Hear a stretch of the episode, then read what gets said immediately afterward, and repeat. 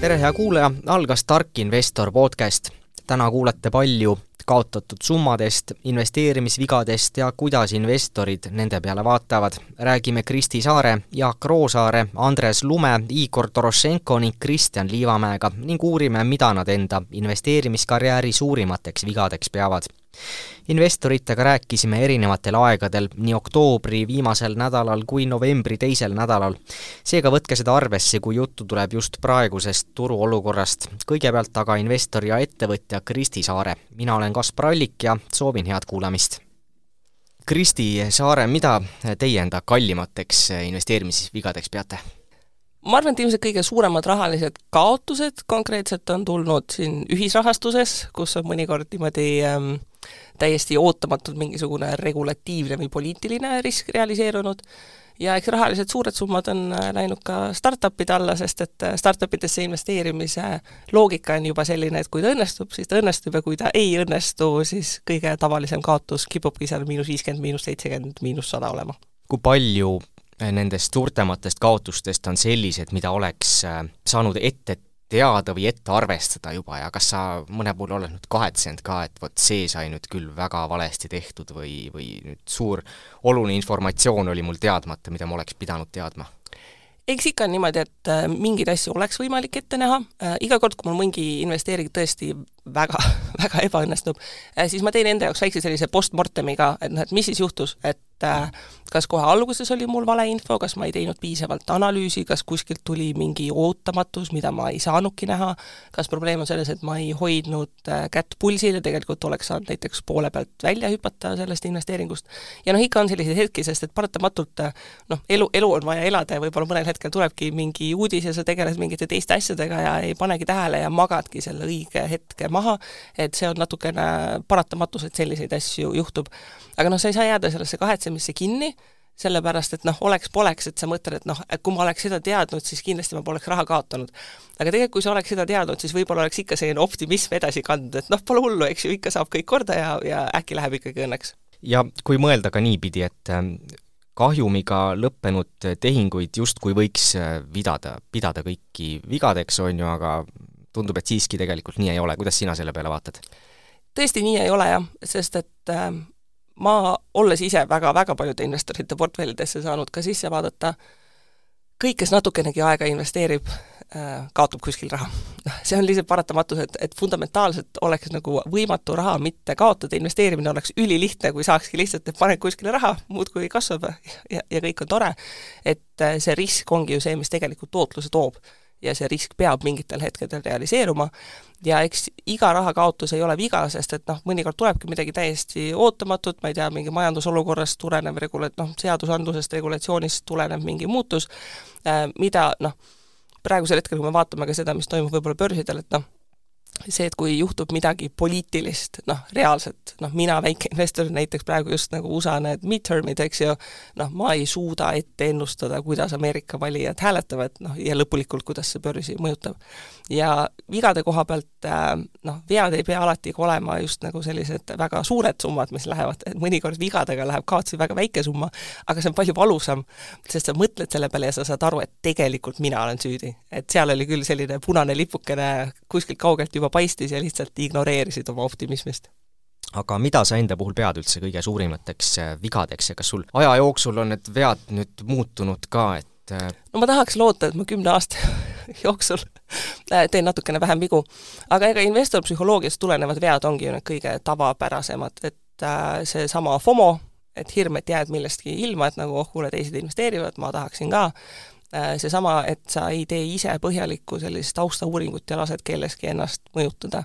et noh, ongi, ja mõnikord investorid võtavad väga enesekindlad sõna, et oh, see on täiega äge investeering, mina investeerin ja tekib tunne, et no okei okay,, ma nagu tahaks ka, ja noh, siis avastad, et tegelikult sa ei ole iseenda jaoks seda lõpuni läbi mõelnud, miks sa seda asja portfelli võtad. ja no võib-olla kolmas asi, mis on äh, minul endal, millega ma üritan ennast parandada, on just börsi puhul, ähm, et kui turud hakkavad kukkuma, siis ma tahan alati veidi liiga vara Äh, sisse osta, et noh, et sa ei taha, et tekib see hetk, et vaba raha saab otsa, enne kui tuleb turu põhi. Ja õnneks neid selliseid allapoole lainetusi on viimastel aastatel päris palju olnud, et ma olen saanud seda närvi harjutada, et kui ruttu ma hakkan ennast turule sisse ostma suuremate tükkidega.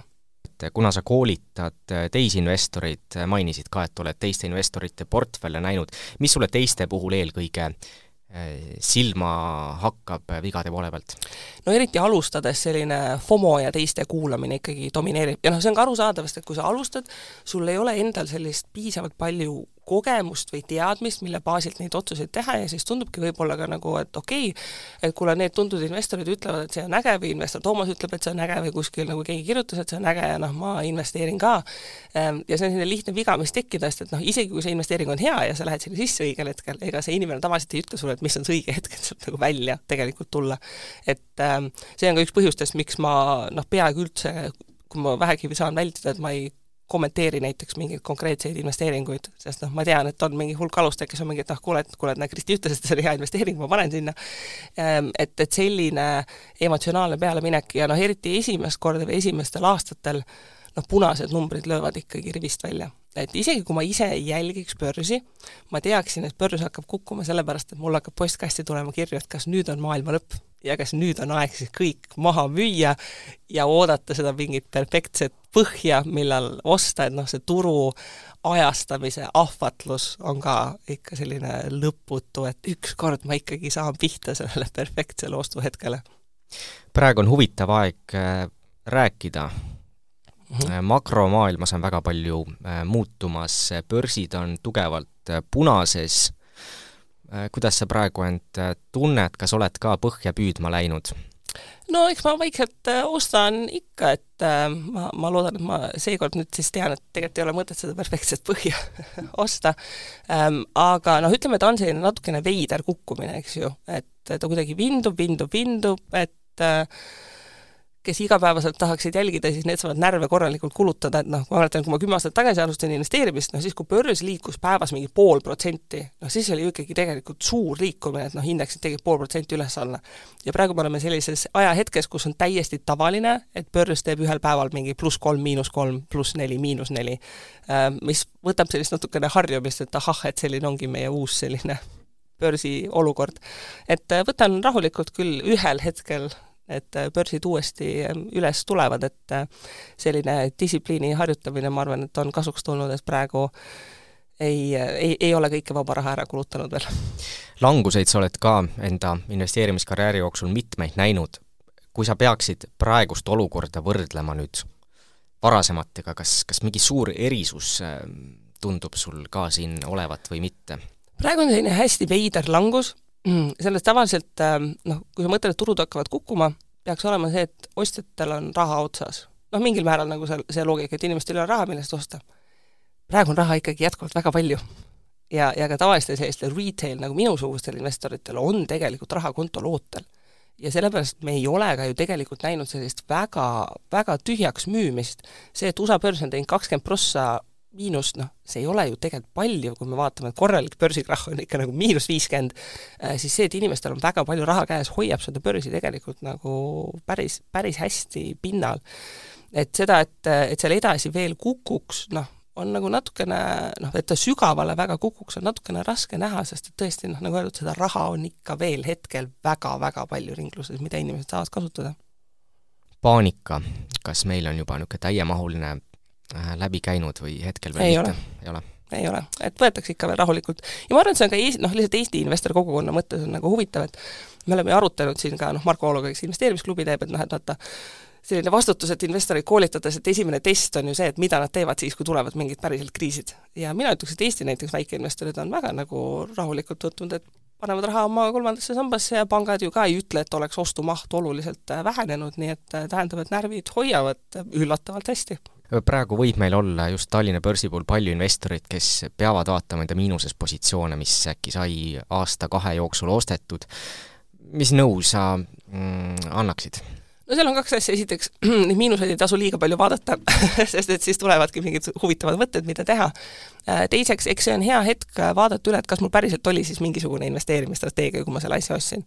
Äh, kui sa usud ettevõttesse, siis see on see hetk, kus sa vaikselt ostad juurde, et seda ostuhinda keskmistada allapoole ja kui sa avastad, et tegelikult mul ei olnud plaani ja tegelikult see investeering ei ole mulle, siis võib olla aeg saada esimesed kogemused kätte kahjumi realiseerimisel. sest see on ka selline tüüpiline investor viga ju, et noh, et ma ootan, et ta tõuseb uuesti plussi, et noh, ma ei taha teda maha müüa, aga noh, mõnikord ongi ettevõtted ikkagi fundamentaalselt saanud pihta ja see ongi see analüüsi koht, kus sina investorina vaatad, et kas ettevõte on kukkunud sellepärast, et üldine sentiment ongi negatiivne või ta on kukkunud sellepärast, et midagi on päriselt valesti. ja lõpetuseks äh, uurin siis seda ka, et kuidas sa ise konkreetselt hetkel tegid, tegutsed, ostad indekseid, ostad üksikaktsiaid, vaatad kuskile mujale? ma, ja indekseid ostan ma kogu aeg jätkuvalt, see, see üldiselt ei sõltu turu olukorrast, aga noh, eks mul ka näpud sügelevad ja siin vaatan natukene mingeid suuremaid tehnoloogiaaktsiaid, mis, mis on siin ikkagi korralikult kukkunud, et et natukene otsast ostan, aga üritan ennast tagasi hoida, et mitte seda liiga palju teha. ja kas see üksikaktsiate osa on sul niisugune väike eh, osa portfellist? jaa, jaa, väike, et minul üksikaktsiate positsioonid üldiselt väga üle viie või kümne protsendi kogu portfellist ei lähe, et ma sellise mängulusti ja naudingu saan selle kogusega täiesti, täiesti täidetud ja nagu öeldud, see info jälgimise vajadus, noh, et mida rohkem sul on üksiku positsioone, sul peab olema seda aega ja tahtmist ja ma arvan, et mul ei ole kumbagi. nii, Kristi Saar, aitäh stuudiosse tulemast ja kommentaare jagamast! nüüd räägime ettevõtja ja investori Andres Lumega, kelle investeerimisportfell Tallinna börsil küündib ligi poole miljoni euroni. jah, minu rumal kaotus oli see, kui Arko Vara hakkas siin paar aastat tagasi hoolega tõusma. ma ei tea, miks lolli peaga ma ostsin teda hoolega juurde, et mul on Arkosse suur kaotus.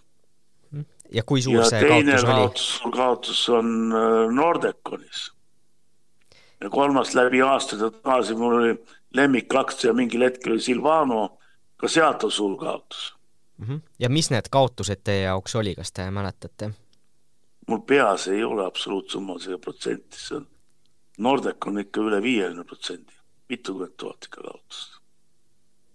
seal jäi samamoodi mitukümmend tuhat ja no, noh, mõned aktsiad on plussi poole peal ka, nii et äh, üldiselt selles suhtes ma ei nuta, et noh, ma ei hakka neid miinuseid praegu realiseerima. kas te mäletate ka, et mis nende kaotuste äh, taga oli, kas oli mingi iseenda valearvestus või äh, mingid muud tegurid? ma ei oska öelda Arkoga, Arkoga mul oli tõenäoliselt tõesti valearvestus. ta hakkas hoolega tõusma ja mõtlesin ka, et lähen rongile ja kurat ja siis jäin, jäin viimasest vagunist hiljaks. Noh, Nordec on, on ikka mitu aastat tagasi, kui ma soetasin teda, siis ta oli arvutuslikult täitsa normaalne, noh. Merkoga suht sama normaalne, noh. ja Merkoga muidugi ma olen teeninud päris hästi. pluss Merko maksab dividendi ka väga hästi mm. -hmm. kuidas tänasel päeval Merko ja Nordeconi peale vaatate? Merkot ostsite just, äh, kuidas Nordeconiga? osta küll ei julge aga ostupoolel kas olete ka olnud? Ostsin, ma ütlen sulle kohe, Merkot ostsin ja, ja Enefit Greeni ostsin jah. ja müüsin kasumiga Sauljaid sellest rahast ostsin. või Sauljaid ma pean väga-väga, väga heaks aktsiaks. mis põhjusel äh, müük tuli siis no,? lihtsalt vaatasin, et uh, proovin spekuleerida, müün Sauljaid ja ostan uh, Enefit Greeni. ja Greeni ostsingi mis see hind on praegu, neli üheksateist, ma ostsin äh, neli null viie pealt, nii et põhimõtteliselt läks see, vahetus läks märki. Äh, kuidas muidu üldiselt äh, turgu vaatate, kas langus on olnud põhjendatud, leiate, et võib siit veel allapoole turg langeda või? ma ei usu, et Balti allapoole langeb enam. kuigi see võib põhjuseks natuke olla, et meil on ütleme, okei okay,, see likviidsus likviidsuseks, aga meil ikka neid, noh, suuri investoreid, ütleme sealt lääne poolt ei ole praegu, need on Balti turgudelt põgenenud. nüüd me paneme ise, paneme ühest taskust teise raha omavahel mm. -hmm. seda raha ei ole eriti palju. tänud ja, ja soovin kõike head okay.. järgmiseks investor ja ettevõtja Jaak Roosaare. ma arvan, et äh, absoluutsummas rahaliselt mul olnud see kurikuulus Tesla lühikeseks müük, et sealt ma sain ligi seitsekümmend tuhat lossi ähm,. aga proportsionaalselt ma arvan, oma varadest oli see kunagi, kui ma alles alustasin investeerimisega, et ma arvan, sain vist Tallinna farmaatsiatehasest äh, niimoodi et see absoluutis on nagu suur summa, aga ma arvan, see oli umbes kümme protsenti mu sellest kogu rahast kunagi kahe tuhandenda alguses. et äh, need on nagu aktsiatega olnud kaks suuremat äh, kaotust ja siis ähm, mõnes mõttes selline kaotus on ka see, et ma kunagi Apple'i aktsiat seal kahe tuhande viiendal või kuuendal aastal ära müüsin, et kui oleks neid hoidnud rahulikult, oleks noh, see selles mõttes ei ole nagu otsene kaotus, aga pigem niisugune saamata jäänud tulu. Äh, kuidas te selle peale muidu üldse mõtlete, kas näiteks kõik kahjumiga lõppenud investeeringud või tehingud saab lugeda veaks või, äh, või mitte? ei, ma ei usu, et, äh, et oluline on ikka suurt pilti vaadata, et et äh, esiteks, et ei oleks selliseid nii-öelda fataalseid tehinguid, et sul on mingi noh, kui sul on pikad positsioonid, siis sa tead, et nad lähevad nulli kõige hullemal juhul ja kui on lühikesed positsioonid, siis peab mingi stopp-loss olema. Et lihtsalt mitte ühtegi väga suurt kaotust võtta, ma arvan, oluline.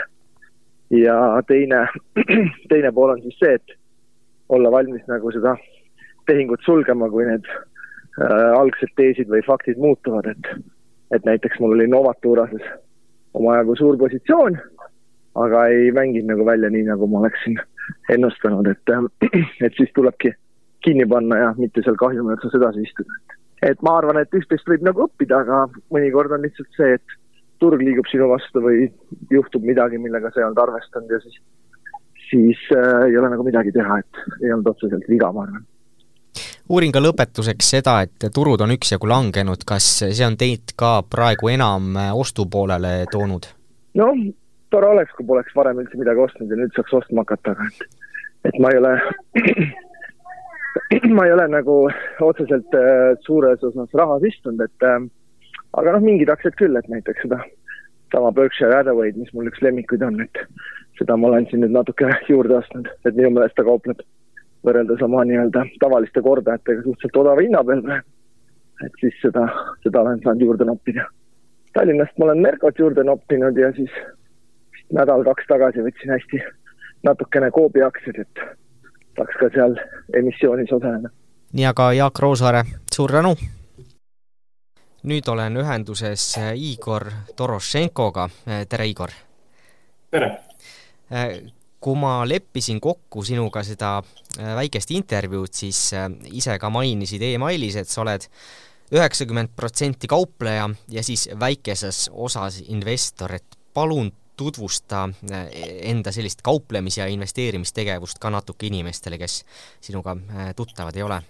nagu sa mainisid et, üheksakümmend protsenti olen nagu kaupleja, et see tähendab seda, et ma tegelikult kauplen sellises nagu äh, Äh, keskpikaajalises perspektiivis need positsioonid, mis ma avan, ma hoian need umbes äh, ühest päevast kuni ühe kuuni sellises nagu perspektiivis, et päris nagu päevakaupleja ma ka ei ole.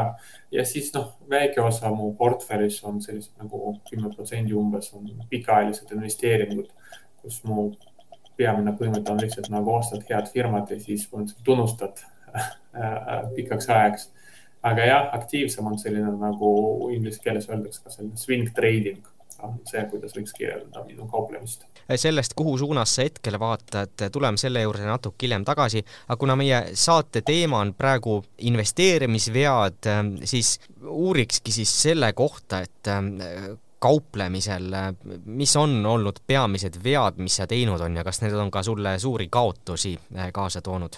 Äh, ja kindlasti saab öelda kauplemisvead ja tegelikult noh, kauplemine, investeerimine on ikkagi mõnes mõttes äh, natukene võib-olla sarnased, et äh, lihtsalt kuna investeerimis, investeerimine on nagu pikem periood, siis need vead ei pruugi ilmuda nii kohe nagu kauplemises, et põhimõtteliselt kauplemises saadad kiiresti teada kõikidest nendest vigadest mis vead ma olen teinud kõige suuremad, noh, kindlasti kõige suurem viga oli alguses, kui ma hakkasin äh, sellega tegelema. Äh, siis ma kohe alustasin nii-öelda nagu päris rahaga tegelema, et kogemust eriti ei olnud. aga see oli siis aasta kaks tuhat seitse, kuna siis oli selline nagu lihtne puliturg, ükskõik peab põhimõtteliselt, mida ostad, kõik kasvab. siis oli väga lihtne raha teenida siis peale esimest õnnestunud tehingu tunduski, et see asi ongi nii lihtne, siis äh, võiks kogu rahaga nagu seal investeerida ja see oligi nagu kõige suurem selline nagu viga, mis ma oma õpilastele ka nüüd kogu aeg ütlen, et kui te alustate, siis ärge kohe kiirustage päris rahaga kauplema, et, et alati saab proovida nii-öelda demokontol või nii-öelda paberrahaga äh, proovida teha kõik need vead tasuta, mitte maksta oma rahaga nende eest äh,. Ja siis põhimõtteliselt, kui asi juba nagu enam-vähem selge, siis alles alustada päris rahaga. et see on selline nagu kõige suurem, mida, mis ma olen ka kõige nagu rohkem pihta saanud, see oligi see mu esimene nagu kapital, mis ma kaotasin tänu sellele, aga noh, oli ka kõige suurem õppetund. kas sul on endal ka meeles mingid konkreetsed tehingud, mis, mis sulle jäävadki igaveseks ajaks meelde, et vot, äh, vot seda ostes äh, sain selle kahjumi või seda teist tehes sain sellise kahjumi? no õnneks äh, minuga ikkagi juhtus niimoodi, et ma suht kiiresti äh, hakkasin lugema seda Aleksander Elderi raamatu, kus oli kirjas ka riskijuhtimisest, et, et äh, ühe tehingu kohta äh, ei tohi riskida rohkem kui kaks protsenti kapitalist, oli tema raamatus kirjas. noh, kuidagi enne veel seda raamatut tundsin ka, et ei tohi nagu kõik, nagu öeldakse, kõik munad ühte korvi panna. Et mitte investeerinud kogu raha ühte aktsiasse või ühte positsiooni, et seda kiiresti kaotada. seega mul olid pigem nagu sellised nagu väiksemad kahjumid kogu aeg, aga need olid nagu pidevad Äh, seega noh, mul ei meenu mingit sellist nagu suurt tehingutust, kus ma oleks korraga väga palju kaotanud, et mul, mul õnneks seda ei olnud, aga ma tean, et noh, hästi paljudel kauplejatel ja investoritel äh, juhtub just, just see asi, et, et nad teevad mingi äh, suured tehingud lootes, et nagu kiiresti rikustada ja tegelikult äh, toimub vastupidine, et kiire, kiire rahakaotus. aga jah, mul ei meenu, et mul ei olnud sellist asja Äh, kui mõelda vigade peale, äh, ei saa vist päris öelda või noh, kindlasti ei saa öelda, et investorile kahjumispositsioon on nüüd kuidagi viga ja, ja kaupleja puhul samuti ei saa öelda, et äh, kahjumisse kukkunud positsioon nüüd kuidagi viga on olnud, sest eks asi ongi kauplejale ka tõenäosuses ja kui suur osa tehingutest siis lõpuks õigele poole läheb, aga kui mõelda selliste vigade peale, kes siis, ähm, kas, kas äh, peale selle, et ähm, ei tohi liiga palju mune ühesse korvi panna, tuleb veel meelde mingisuguseid ähm, vigu, mis sul endal näiteks ette tulnud on, mida saabki just pidada veaks, mitte lihtsalt äh, sinu vastu liikunud tehinguks? jaa, absoluutselt, sa väga õigesti ütlesid, et äh, tegelikult kahjumlik tehing ei tähenda, et see on nagu vigane tehing, et äh, minu statistikast tuleb välja, et mul on kõigest nelikümmend protsenti positiivseid tehinguid, et see tähendab, et kümnest tehingust kuus on negatiivseid. aga see ei tähenda, et need on nagu äh, valed äh,, sest sa kunagi ei tea, mis, mis tehingus nagu saab, kui sa seda teed, et äh, peamine, et need vead äh,, et need äh, kaotused oleks kontrollitud. aga kui rääkida viigadest, et äh, äh noh, tegelikult peamised vead, mis inimesed teevad, ongi äh, riskijuhtimine Äh, siis on äh, meetodi puudumine ehk põhimõtteliselt äh, professionaalsed kauplejad, nad leiavad mingisugust nišši, kus hakkavadki arenema ennast, et ala kauplen aktsiad ja kauplen ala seda tüüpi aktsiad või kauplen futuurid ja teen seda niimoodi, et, et kui kauplejal ei ole seda nagu kindlat Äh, niši ja ta üks päev teeb ühte asja, teine päev teist asja, ei ole seda kindlat süsteemi. Äh, see on üks selline nagu suurem levinud viga. Äh, ja siis kindlasti ma arvan, et suur viga ka see, et kui tehakse tehingut ja siis ei panda neid kirja ehk põhimõtteliselt sa teed midagi valesti ja siis sul see kiiresti ununeb, sa isegi nagu ei pane seda kirja ja analüüsi ja siis kordad ühte ja sama viga järjest, et, et äh, see on ka äh, tegelikult väga oluline, millest väga paljud ei räägi. uuriks ka selle kohta, et äh, turgudel on praegu volatiilne aeg, kui mugavalt sa hetkel end, end turul tunned? no kauplejana tegelikult mul äh, eriti vahet ei ole äh,, mis, mis situatsioon turul on, et äh, kuna ma jälgin turgu iga päev ja mu positsioonidel on suht nagu selline nagu lühikene hoidmisperiood, et ma väga kiiresti oskan ka oma äh, arvamust, mitte isegi arvamust, vaid äh, ma vaatan, mis turg teeb ja siis ma lähen sellega kaasa. Ehk et kui seal on suurem volatiilsus, kui, üks päev on nagu üks nädal liigume ülespoole, teine nädal allapoole, siis ma vastavalt ka kauplen, üks nädal ma ostan aktsiat, teine nädal ma müün, et, et suht kiiresti kohandunud ja kui on suurem volatiilsus, siis tegelikult on suuremad liikumised ja kauplejal on, mul on see nagu sellest, ma vastupidi nagu võidan samas, kui on väiksem volatiilsus, siis, siis, siis on teiselt poolt ka hea, et siis sa lihtsalt hoiad positsioonid kaomas, siis on tavaliselt selline nagu puliturg, kui on väiksem volatiilsus. et, et äh, erinevad sellised nagu kaup, kauplemisstiilid lihtsalt äh,, aga noh, mu süsteem on, on seadistatud sellele, et ta arvestab sellega, mis, mis volatiilsus on hetkel ja siis vastavalt sellele ma oskan siis äh, tegutseda turul kas suurem volatiilsus tähendab sulle ka suuremaid kasumeid äh, või ei saa nii öelda äh,? ei saa, pigem äh, mitte alati, et see võib juhtuda näiteks aastal kaks tuhat kakskümmend, siis kui oli see koroonakriis äh,, siis, siis ma küll, küll sain nagu paremat kasumit, kuna olid sellised suuremad ja liikumised, mis kestsid äh, põhimõtteliselt lühemat aega, et sa said lühema ajaga põhimõtteliselt suurema äh, kasumi kätte. Aga üldjuhul süsteem toimib ikkagi niimoodi, et, et sa riskid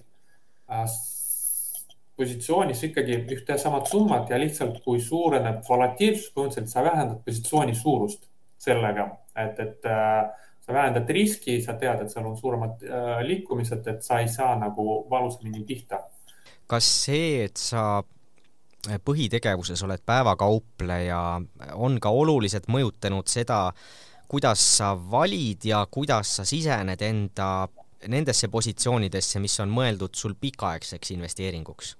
No selles mõttes äh, jah, et kuna ma olen nagu selles turul nii-öelda kogu aeg sees, siis, siis äh, ma põhimõtteliselt jälgin mingid firmad, mis ma tean, on huvitavad ja kui ma näen, et selle hind on nagu kallis no siis ma lihtsalt jälgin seda ja siis, kui üks päev ma märkan, et, et seal on mingi äh, firma väärtus muutunud nagu ebamõistlikult odavaks siis ma äh, kipun seda nagu ostma, aga äh, selle nagu nii-öelda nagu ostmisel ja hoidmisel, et siis ma, mul natukene juba teised nagu reeglid kui, kui kauplemisel, nagu ma mainisin ka alguses.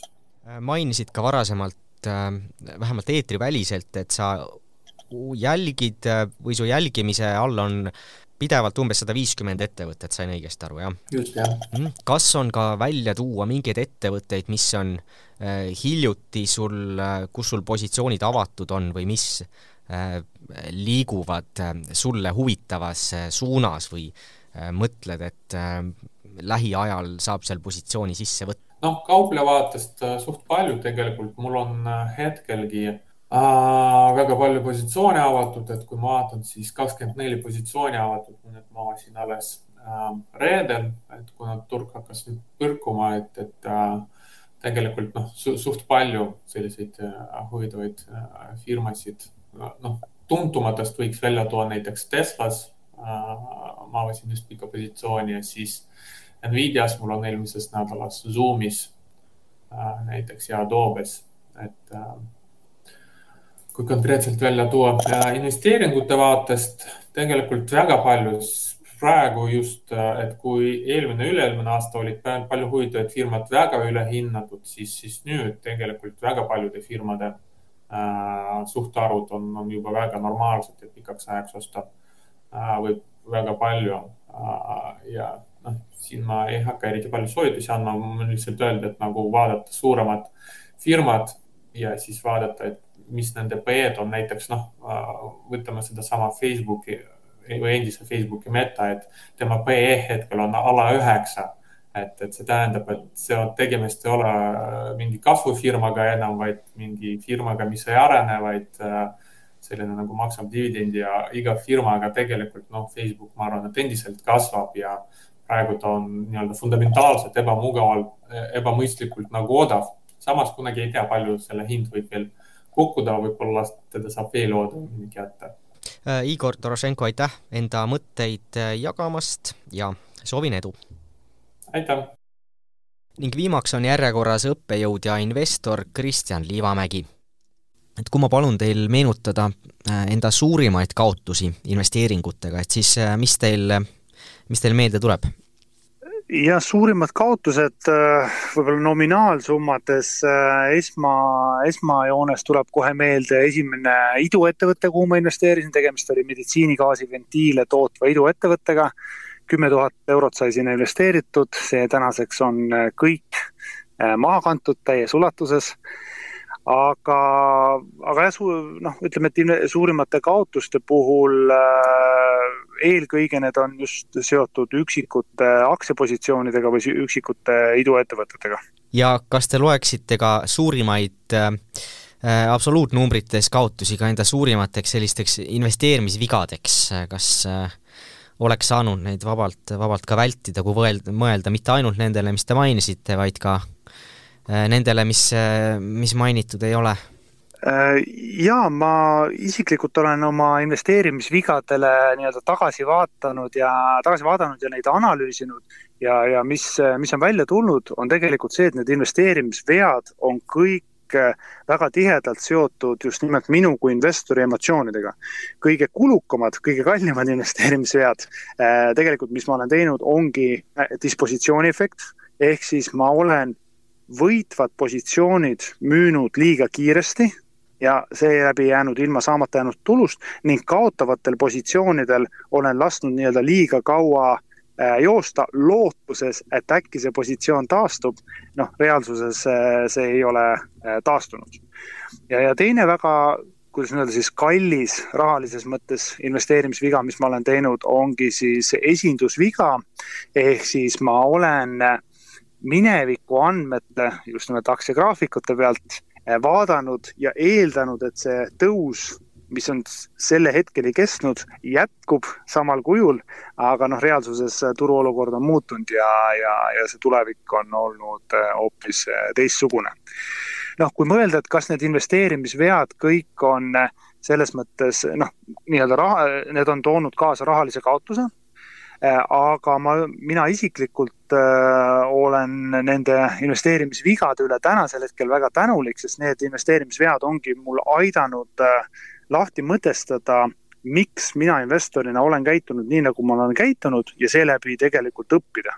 ehk siis teadvustamine, miks ma neid vigu tegin, kuidas need vead toimusid, kuidas minu emotsioonid Äh, aitasid kaasa nende investeerimisvigadele ja ka rahalistele kaotustele, on tänasel hetkel vähemalt minu portfelli puhul aidanud mul teha äh, paremaid otsuseid ja neid vigu vähemalt äh, minimeerida. mainisite dispositsiooni efekti, kas tänaseks nüüd saate öelda, et saate niimoodi emotsioonitult investeerida, saate lasta kasumitel joosta? Ma ütleks niimoodi, et ma päeva lõpuks olen täpselt sama inimene, kes ma olin siis, eh, küll aga ma olen teadlikum, millised on need tegurid, eh, mis selle dispositsiooni efekti puhul mind on just mõjutanud. Ja, ja ma olen teadlikumalt neid hetki nii-öelda ära tundnud, et mitte korrata samal viisil samu vigu. Eh, täielikult ma ei saaks välistada, et ma neid vigu ei tee, sest ma päeva lõpuks olen ka inimene aga, aga ma vähemalt praegusel hetkel olen tundnud, et eh, need vead sellisel viisil, nagu ma eelnevalt tegin, neid ma vähemalt praegusel hetkel korranud, eh, korranud ei ole Enda suurima veana tõite alguses välja kümne tuhande eurose iduinvesteeringu, kas see pani teid ka valdkonna peale kuidagi teisiti vaatama või mõtlesite lihtsalt, et edaspidi teen analüüsi teistmoodi? jaa, ütleme niimoodi, et eh, selle protsessi käigus äh, õppetunnid, mis ma sain, olidki see, et ma tegelikult hakkasin rohkem süvitsi analüüsima ja sisse vaatama, et kuidas siis inve-, iduinvesteeringute puhul see ettevõtte äh, käitumine on, et mis on seal need nii-öelda turujõud ja, ja loogikad, mis siis määravad selle ära ja tegelikult üsna pea jõudsin, jõudsin tõdemusele, et idu, iduinvesteeringute puhul riskid on oluliselt kõrgemad kui tavaettevõtetesse investeerimisel, mis tähendab, et ka Äh, nii-öelda see õnnestumise tegur on äh, noh, paratamatult äh, väiksem, küll aga siis need ettevõtted või mõni nendest ettevõtetest, mis õnnestub, et see, need tulud ja tootlus peaks siis kompenseerima kõikide teiste investeeringute kaotused ja, ja noh, natukene nii-öelda siis kasumi näol ka kompenseerima seda riski, mida sai võetud. aga jah, see tõdemus ja, ja ja see õppetund või õppeprotsess sai alguse just nimelt tänu sellele, et esimene iduinvesteering, kümme tuhat eurot tuli, tuli, tuli täies ulatuses maha kirjutada kuidas teil täna suhtumine iduinvesteeringutesse üldse on, on nad endiselt osa portfellist teil mingi teatud osakaal või, või mitte? Iduinvesteeringud on äh, osa minu portfellist. ma olen ise nii-öelda laias laastus jaganud, et umbes äh, kuni viisteist protsenti enda portfellist olen nõus ma erinevatesse iduettevõtetesse investeerima. küll aga tänaseks olen ma selle strateegia selgelt teistmoodi üles ehitanud. ehk äh, tänasel hetkel ma ei vali üksi individuaalseid iduinvesteeringuid, vaid pigem teen äh, iduinvesteeringutesse investeeringuid läbi Super Angeli fondi, äh, kus mul on võimalik saada oluliselt parem hajutatavus, oluliselt parem ligipääs nendele ettevõtetele ja, ja läheneda sellele nii-öelda niisugusele natuke niisugune matemaatilisemalt, natuke süstemaatilisemalt äh, paremini riske hajutades. Ehk jah, ütleme niimoodi, et mina olen enda kogemuse pealt aru saanud, et mul ei ole äh, väga suurt eelist professionaalsete äh, institutsionaalsete investorite ees, kes igapäevaselt tegelevad iduettevõtetesse investeerimisega. seega parim, mis ma teha saan, ongi siis olla nendega samas paadis äh, ja läbi selle protsessi ka siis ise investorina edasi areneda. õpetate ka tudengitele ettevõtete hindamist. Mis teil tudengitelt ja üldse üldisemalt inimestelt ähm, ka vastu vaatab äh, just niimoodi äh, vigade osas? Äh, jaa, mis on huvitav, mida ma olen ise tähele pannud kogu oma investori karjääri jooksul ja kogu oma õppekarjääri jooksul, on tegelikult see, et inimloomus ei muutu hoolimata sellest, kas meil on majandustsükli tõusufaas, majandustsükli langusfaas, siis inimesed ja inimloomus jääb ikkagi täpselt samasuguseks. ehk siis erinevad emotsioonid, olgu selleks ahnus, hirm, õnn, rõõm, need on need, mis äh, mõjutavad meie suhtumist ja, ja ka investeerimiskäitumist. ja noh, niisugused tüüpilisemad või klassikalisemad vead, mida ma olen näinud, mida siis äh, muuhulgas ka tudengid, kes siis investeerimisega alustavad, Äh, on teinud, ongi siis lisaks sellele dispositsiooni efektile ka tegelikult ankurdamine. väga paljud alustavad investorid ankurdavad ennast äh, investeerides selle ettevõtte aktsia soetushinna külge ehk siis, kui nad ostavad näiteks Tallinna Kaubamaja kümne euroga, siis nende jaoks see referentspunkt ongi kümme eurot. ja nüüd nad hakkavad kõike seda ettevõtte või aktsiahinna edasist liikumist just nimelt suhestuma selle soetushinnaga noh, reaalsuses tegelikult seda teha ei tohiks ja tuleks äh, analüüsida sõltumatult siis ettevõtte käekäiku ja juhul, kui ettevõtte käekäik ei ole siis investeerimisteesile vastav, tuleks äh, noh, mingil hetkel ka siis see positsioon müüa, hoolimata sellest, kas ta on siis kasumis või kahjumis, äh, võrreldes selle ankurpunktiga ehk soetushinnaga. aga hoolimata sellest, enamus investoreid seda ei tee kui positsioon on kahjumis, siis nad ootavad, nad loodavad, et äkki tõuseb see kunagi nulli ja siis nad sellest väljuvad. aga noh, sellisel juhul ma olen alati öelnud, et kas sinu algne investeerimistees oli, et kui sa ostad Tallinna Kaubamajad kümne euroga, et siis, kui see on kümne euro peal, siis sa ka selle positsiooni müüd maha. ja noh, see tavaliselt siis äh, paneb mõtlema, et äkki, äkki, äkki oli midagi muud seal investeerimisteesiks mainisite korra ahnust ja hirmu, äh, kus me sellel kaalal teie hinnangul hetkel asume, kui te turgu vaatate? No kui vaadata turgu nagu väga laiapõhjaliselt äh, kaugemale siit Eestist ja Euroopast, et võib-olla niisugused globaalsed finantsturgud, siis erinevate indikaatorite põhjal ja minu enda nii-öelda niisugune tunnetus on, et hetkel ikkagi investoritel see hirm on äh, väga suur. Ja, ja sellest tulenevalt on siis ka investorid suurendanud äh, raha osa, raha osakaalu portfellis.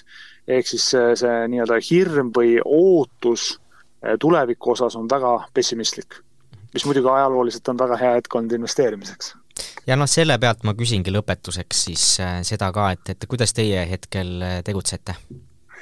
mina isiklikult tegutsen järgnevalt, nagu ma siis ütleme niimoodi, sellel suvel paika panin enda strateegia, ehk siis järgmised kogu majandustsükli, läbi majandustsükli langusfaasi, ehk siis noh, suurusjärgus järgmise aasta suveni, sügiseni ma igakuiselt regulaarselt suurusjärgus umbes kümme tuhat eurot investeerin aktsiaturgudele, vähendan laenude ja võlakirjade osakaalu, ehk siis sealt tagasi tulev intress liigub siis aktsiaturgudele ja seda ma teen siis regulaarselt ja stabiilselt midagi hetkel müümas ei ole ja need positsioonid, mis mul hetkel portfellis on, need on need positsioonid, millega ma soovin siis läbi majandustsükli eh, neid hoida. Mhm.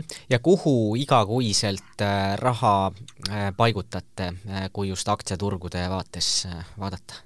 mina isiklikult just nimelt olen vaadanud, et majandustsükli taastumisfaasis ja tõusufaasis nii nominaalne tootlus kui ka riskiga korrigeeritud tootlus on kõige kõrgem just nimelt tehnoloogiasektoril ja finantssektoril. Ja, ja need on ka need sektorid, kuhu ma hetkel siis äh, olen, olen investeerimas, ehk siis äh, finantssektori poole pealt mul hetkel on portfellis Swedbanka, LKV Tšavljait pangast, Swedbanka olen juurde ostnud. Ja tehnoloogiasektori poole pealt siis kõige suurem positsioon ongi NASDAQ sada indeks, indeksfond ja sinna olen samuti raha juurde suunanud viimastel kuudel. Kristjan Liivamägi, suur tänu meiega rääkimast ja mõtteid, kogemusi jagamast! suured tänud! aitäh kõigile kuulamast ning edukaid investeeringuid!